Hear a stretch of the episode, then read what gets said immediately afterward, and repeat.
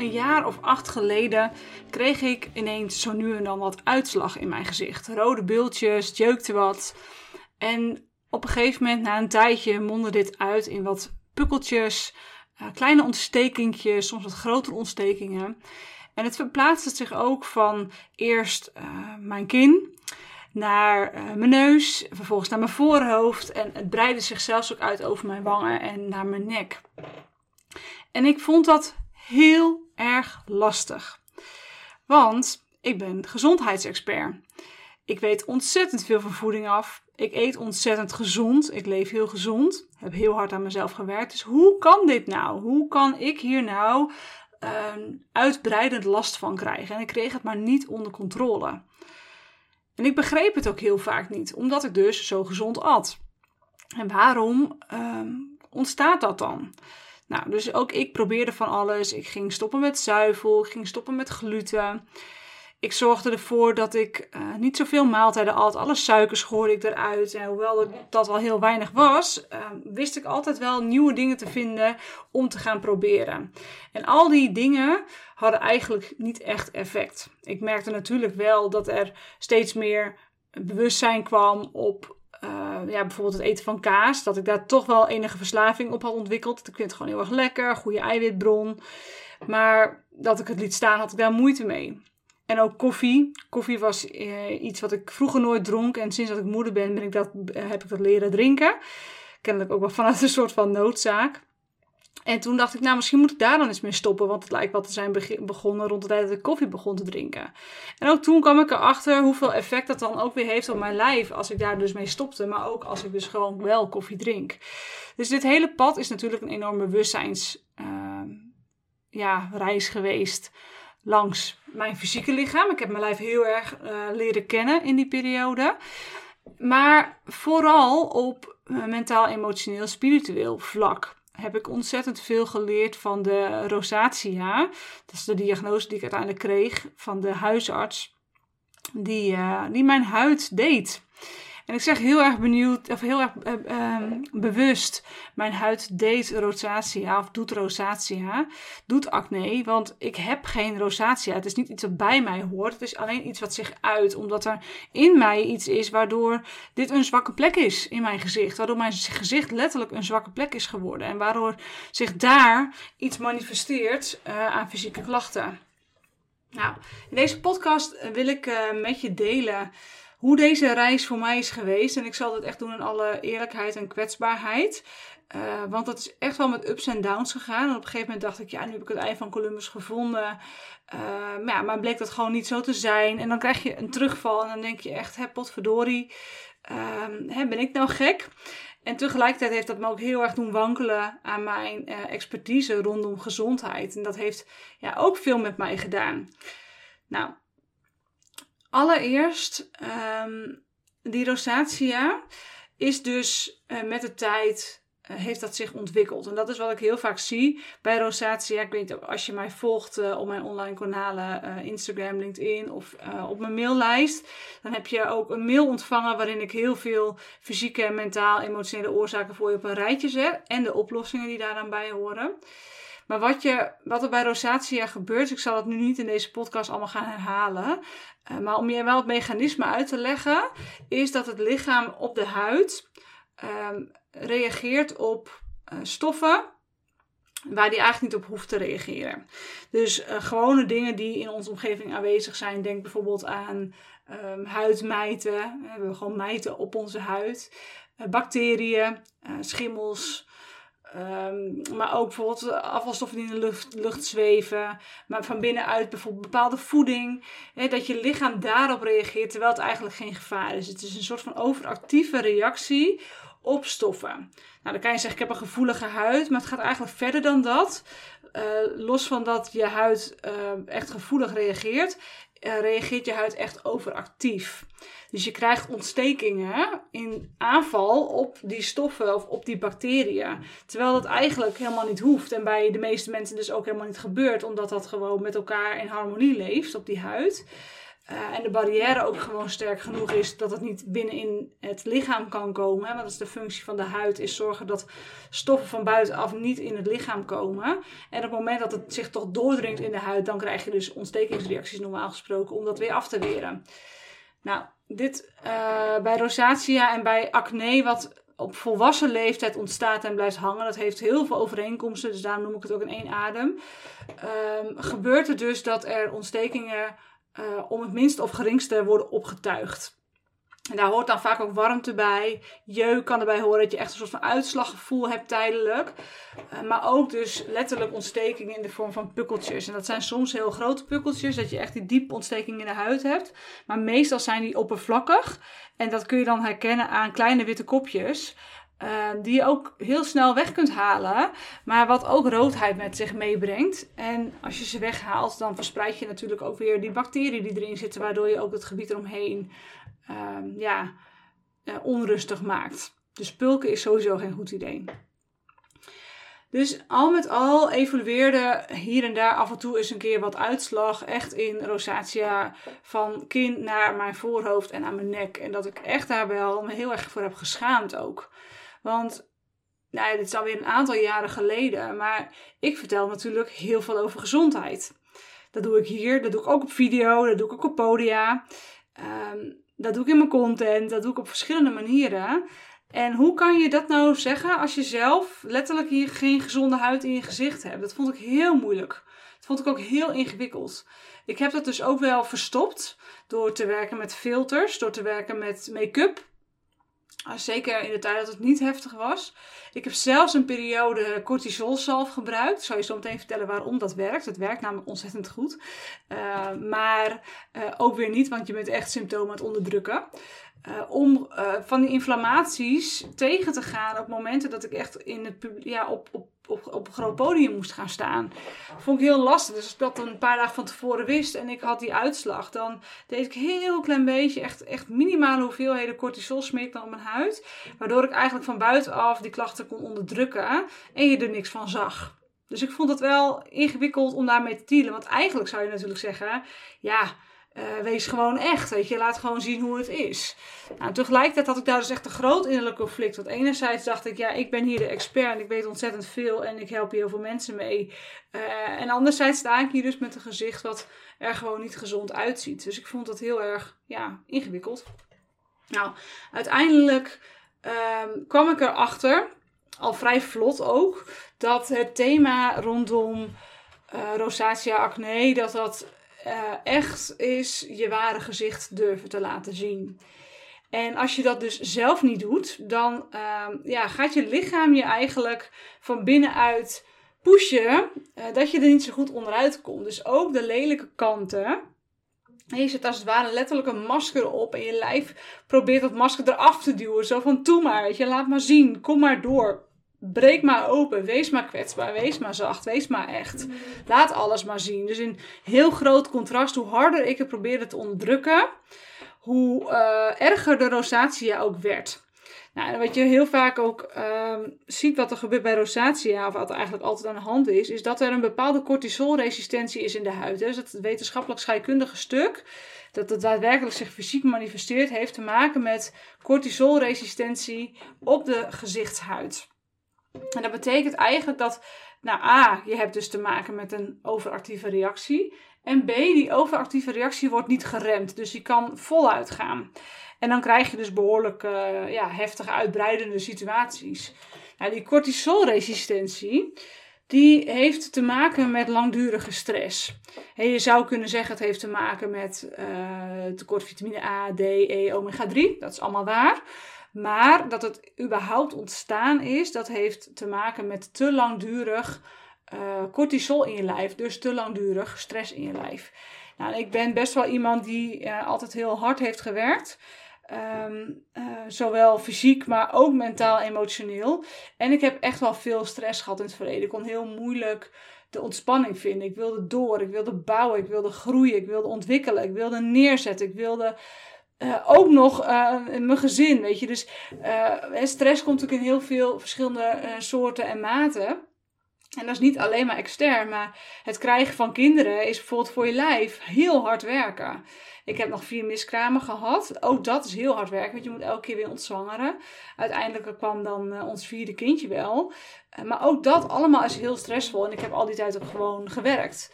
En natuurlijk, weet je, mijn werk geeft me heel veel vervulling en alles. Maar het was best veel. Dus ik heb ook wel periodes gehad dat ik erachter kwam dat ik dacht, oeh, ik ben echt wel over mijn grens gegaan. En dat zie je pas later, als je eruit bent. Uh, niet als je er middenin zit. Van jeetje, oké, dat was wel heftig. Tegelijkertijd, uh, ik ben één keer burn-out geweest. Dat is inmiddels uh, meer dan tien jaar geleden. Uh, heb ik dat punt ook nooit bereikt. Dus ik heb ook ergens wel mijn les geleerd. En ik denk dat een bepaalde mate van intrinsieke stress, of in elk geval intrinsieke prikkeling, uh, ook, ook prima is, zolang je ook maar in contrast de rust blijft pakken. En dat uh, in de basis, als je ochtends opstaat, een gevoel is van ontspanning en rust en uitgerustheid. Als je dat kunt bereiken, dan weet je, oké, ik zit goed met mijn balans. Maar stress komt dus vanuit verschillende plekken. En bij mij was dat niet zozeer meer fysiek. Uh, want ik zorgde gewoon heel erg goed voor mezelf. Eerlijk is eerlijk. Ik was echt met mijn fysieke lichaam heel goed bezig. Dat betekent bijvoorbeeld geen uh, suikers, wel veel water drinken. Al dat soort zaken had ik gewoon op orde. Um, maar bij mij was het wel vanuit heel hard werken, veel verantwoordelijkheden. En dus ook wel het onderdrukken van stukken van mezelf die ik niet zo graag wilde laten zien. De echte kant van mezelf. En, en de, de rauwere kant van mezelf, de, de hele kwetsbare kant van mezelf, maar ook de ongenuanceerde kant van mezelf. Want ik heb best wel een visie en een mening op gezondheid. Um, maar ik nuanceerde die constant, want ik zie ook steeds, ik zie ook heel erg altijd de andere kant. He, ik kan zeggen, en dat voel ik ook echt zo, um, je gezondheid is het gevolg van de keuzes die je in het verleden hebt gemaakt. Dat geloof ik echt en dat, dat, dat, dat weet ik. Maar ik zie ook dat je. Um, het is niet zo dat dat dan jouw schuld is of zo. Dat als je in het verleden keuze hebt gemaakt die niet, nu niet goed hebben uitgepakt en, en je hebt daar nu consequenties van, dan zie ik ook dat. Hè? Dus het is nooit. Er zit altijd een nuance in. En ik, heb, uh, ik ben wat ver doorgeslagen, denk ik, in dat, in dat nuanceren. Dus ik heb altijd heel erg uh, altijd alle kanten willen belichten, bijvoorbeeld in mijn content. Ik heb altijd heel erg zacht willen zijn, omdat ik ook niemand wilde kwetsen of raken. Terwijl ik nu weet, ja, maar dat is niet mijn verantwoordelijkheid. Ik mag gewoon zuiver en eerlijk zijn, zolang het vanuit een goede intentie is en dat die intentie zuiver is. Hè, dat het niet vanuit mijn ego komt van, oh kijk, mij is hier uh, iets roepen. Maar echt puur vanuit, dit is gewoon wat ik te delen heb, wat, ik, wat, wat mensen moeten horen. En dat ik er ook op mag vertrouwen dat als je die boodschap dan krijgt, dat jij exact weet wat je ermee moet doen. En als je dat niet weet, dat je daar dan uh, bij uitreikt naar mij of naar iemand anders om daar helderheid op te krijgen. Dat je het erover gaat hebben. Het is niet aan mij hoe content en uitspraken landen bij iemand anders. Dus dat wetende, terwijl ik ook altijd nog steeds de nuance zie en altijd heel mild wil zijn naar de realiteit zoals je die gecreëerd hebt, dat dat nooit jouw schuld is. Zie ik ook dat het aan mij is om te delen wat, uh, wat mijn visie is op gezondheid. En wat ik heb gezien in de laatste jaren. En al die uh, samenwerkingen met klanten, al die ervaring die ik daarin heb opgedaan, dat elke keer die gemene delers toch echt wel gaan over leiderschap, onderdrukte emoties. En hoewel we allemaal dat niet willen horen en het allemaal niet leuk vinden om die onderdrukte emoties op te ruimen, is het wel noodzakelijk. Je ontkomt er niet aan. En dat is dus ook wat ik heb ondervonden in mijn proces uh, rondom rosacea. Wat wel leuk te vertellen is dat dat nu ongeveer voor, nou ik kan wel echt zeggen, 95% weg is. Uh, terwijl het uh, vanuit regulier gezegd wordt, hier heb je gewoon de rest van je leven last van. En ja, helaas pindakaas, hier heb je een antibiotisch salfje en gaat er maar mee doen. Heb ik een andere weg gevonden, waarbij ik de mentale en emotionele kant echt heel diep heb aangekeken. En al mijn angsten en pijn rondom mijn ware gezicht laten zien heb opgeruimd op verschillende niveaus. En niet alleen maar op social media, maar ook uh, door bijvoorbeeld in het traject zitten bij Tibor. Wat een hele andere uh, groep mensen is dan waar ik tot dan toe was geweest. Om daar um, geraakt en getriggerd te worden op stukken waar ik misschien mezelf nog niet liet zien. Uh, maar ook binnen mijn relatie, binnen mijn moederschap. Hè, durven om kwetsbaar te zijn als ik het ook allemaal even niet meer weet als moeder. Of als ik een fout heb gemaakt als moeder, dat ik dan daar samen met de kinderen heel eerlijk over kan hebben. En dat ik dat niet vanuit een soort uh, grote moederrol, ja, nou, hoe zeg ik dat? In het verleden kon ik dan nog wel eens mezelf groot houden en zeggen: Ja, ik heb een fout gemaakt, hè, sorry. En, en door. En nu maak ik echt verbinding vanuit die sorry. En dat is echt een ander niveau vanuit dat ik echt uh, erkenning geef ook aan dat ik uh, boos ben geweest. En dat dat voor hun ook niet oké is geweest. En dat we dus echt kunnen levelen op een diep niveau van verbinding. Dat die kwetsbaarheid er echt mag zijn. Ik denk dat dat heel waardevol is. ook binnen je relatie. Hè, dat je durft om je te laten kwetsen. Zodat de ander ook kan zien wat hij doet met zijn reactie of met zijn gedrag of handelen bij jou. Dat je daarin echt durft te zijn en niet jezelf afsluit en verhardt en terugkaatst en uh, in de projectie schiet en in het verwijten schiet. En in de, maar echt gewoon dicht bij jezelf kunt blijven en de emotie zonder projectie te kunnen dragen. Ook dat is je ware gezicht laten zien. En ook dat is dus durven te huilen als een kind, bijvoorbeeld. Als je dat voelt, dat dat gewoon iets naar boven komt van vroeger wat getriggerd is. En je voelt die emoties opkomen, dat dat er gewoon helemaal mag zijn. En nou weet ik dat dit, als jij luistert, misschien denk je wel, ja jeetje, de laatste keer dat ik heb gehuild is echt lang geleden, ik kan dat niet zo goed. En dan wordt het tijd dat je de deksel van potjes af gaat halen die je op dit moment hebt verstopt. Als je de deksel eraf haalt, eh, dat kun je natuurlijk zelf doen, maar veel vaker is het goed om daarin confrontatie op te zoeken. Door iemand anders te vragen: wat zie jij bij mij? Waar, waar zie jij bij mij pijn zitten? Ehm, en daarin echt jezelf laten triggeren zodat er een deksel van een, een liefdevol laten triggeren. Ik bedoel, je moet ook niet jezelf voor de leeuw werpen en zeggen: Ja, zeg maar wat voor klootzak ik ben.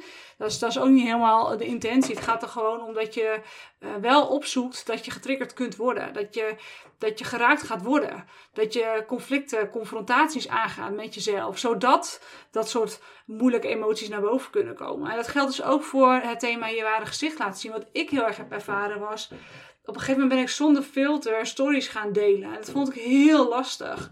Want uh, ja, ik weet niet of je dat al eens opgevallen is, maar op camera lijkt, lijkt je huid altijd een stuk uh, gecontrasteerder dan als je in de spiegel kijkt. Dus op een of andere manier zie je gewoon heel duidelijk, zie je alles. Hey, je staat ook met je neus op dat beeld. En ik vond het wel heel confronterend. Ik dacht, oh, ik sta hier met een pukkeltje, sta ik hier mijn verhaal te doen. En wie ben ik nou? Dus ik, ik ben heel bewust juist dat aangegaan om gewoon ja, te omarmen dat ik gewoon helemaal oké ben, ook met een pukkeltje erbij. En dat was het proces exact wat nodig was om de angels eruit te halen. Waardoor dus heel veel stress sowieso verdween uit mijn lijf. Want ik vond het ineens niet meer eng om te delen en mezelf te laten zien eh, in alle echtheid. Um, en die rosatie dus in één keer een heel stuk minder werd. En op een gegeven moment, als je dat soort confrontaties met jezelf aangaat, de realiteit daarin ook opzoekt, uh, niet achter je schermpje verdwijnt, maar echt ook de wereld instapt met alles wat er bij jou is op dat moment. En je durft dat aan te gaan, dan verdwijnen er een heleboel emoties die gekoppeld zijn aan je klacht.